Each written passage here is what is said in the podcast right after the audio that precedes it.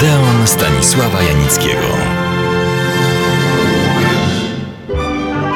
Przed tygodniem zapowiedziałem ciąg dalszy mojej opowieści o tym niezwykłym w dziejach polskiego filmu zjawisku, jakim były komedie socrealistyczne, czyli takie, które zrealizowane zostały w latach 1953-55. Były to lata ponure, bo stanowiły szczytowy okres autentycznego, a nie umownego stalinizmu. Zasady ideowe czysto polityczne, władze starały się za wszelką cenę przenieść do wszystkich dziedzin życia, szczególnie gorliwie i namolnie czyniły to w odniesieniu do kultury i sztuki, a zgodnie z dyrektywą wodza rewolucji Lenina, najważniejszą ze sztuk jest film. I Powstawały filmy w rodzaju Za wami pójdą inni, Dwie brygady, Gromada, Żołnierz zwycięstwa, Domek z kart, Pościg czy Kariera. Generalnie rzecz biorąc, główne zasady w tych filmach polegały, oczywiście upraszczam, ale nie za wiele, na twardych założeniach.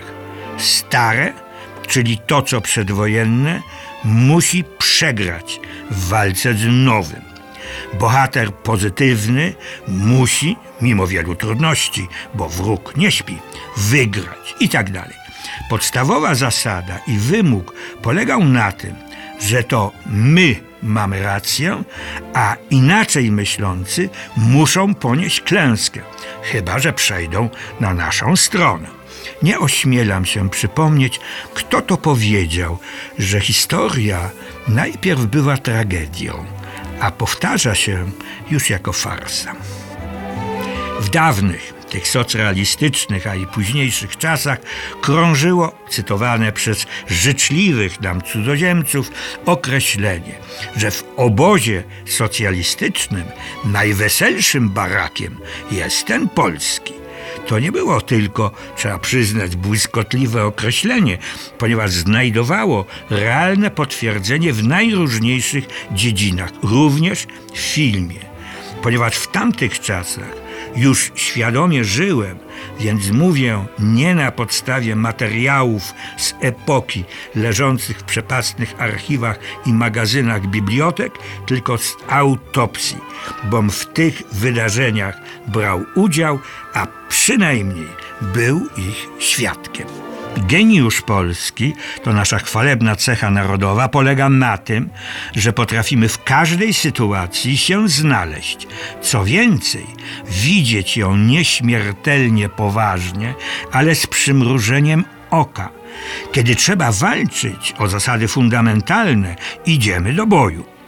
Ale kiedy już kule nie świszczą, zamieniamy się w większym czy mniejszym stopniu w biskupa Krasickiego, Aleksandra hrabiego Fredrę, Mariana Chemara, Witolda Gombrowicza czy Sławomira Mrożka oraz ich kontynuatorów. Ich duch jest nieśmiertelny i niech się pod tę naszą cechę narodową nacjonalistyczne oszołomy nie podpisują. Co to ma z filmem wspólnego? A właśnie, że ma.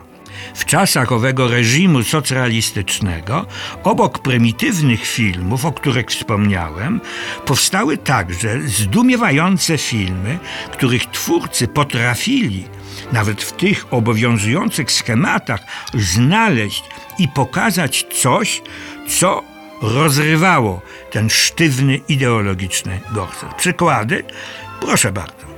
Pierwszy start, czy załoga, filmy o młodych pilotach szybowcowych czy młodych adeptach sztuki żeglarskiej. W obu tych filmach, choć socrealistyczne, wychowawcze z założenia gdzieś tam się plątały, to były to opowieści o wspaniałej przygodzie, którą młodzi chłopcy przeżywają. Nie lirycznie, ale w okolicznościach dramatycznych, w powietrzu i na morzu. Warszawska premiera była piękną opowieścią historii premiery naszej pierwszej narodowej opery Halki Stanisława Moniuszki. A młodość Chopina opowiadała o tytułowej młodości naszego genialnego kompozytora i korzeniach jego wspaniałej muzyki. Nasi filmowi twórcy nie zanurzali się jednak wyłącznie naszej dawnej, chwalebnej przeszłości. Jerzy Kawalerowicz przeniósł na ekran powieść Igora Neverlego Pamiątka z celulozy. Jeden z pierwszych neorealistycznych filmów, który szedł ręka w rękę z jednym z najwspanialszych nurtów w historii kina, włoskim neorealizmem.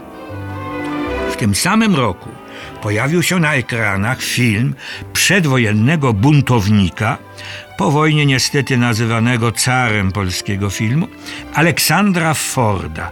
Tym jego filmem była Piątka z ulicy Barskiej, rok 1954.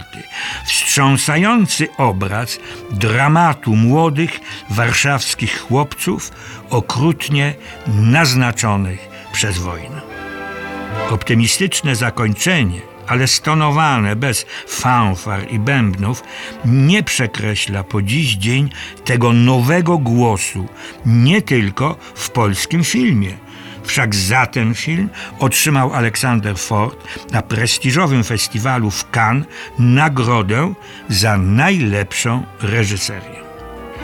To nowe rodziło się w polskim powojennym filmie powoli, lecz konsekwentnie, by doprowadzić w czasie tzw. odwilży do całkowitego odrodzenia polskiego filmu po czarnych latach socrealizmu.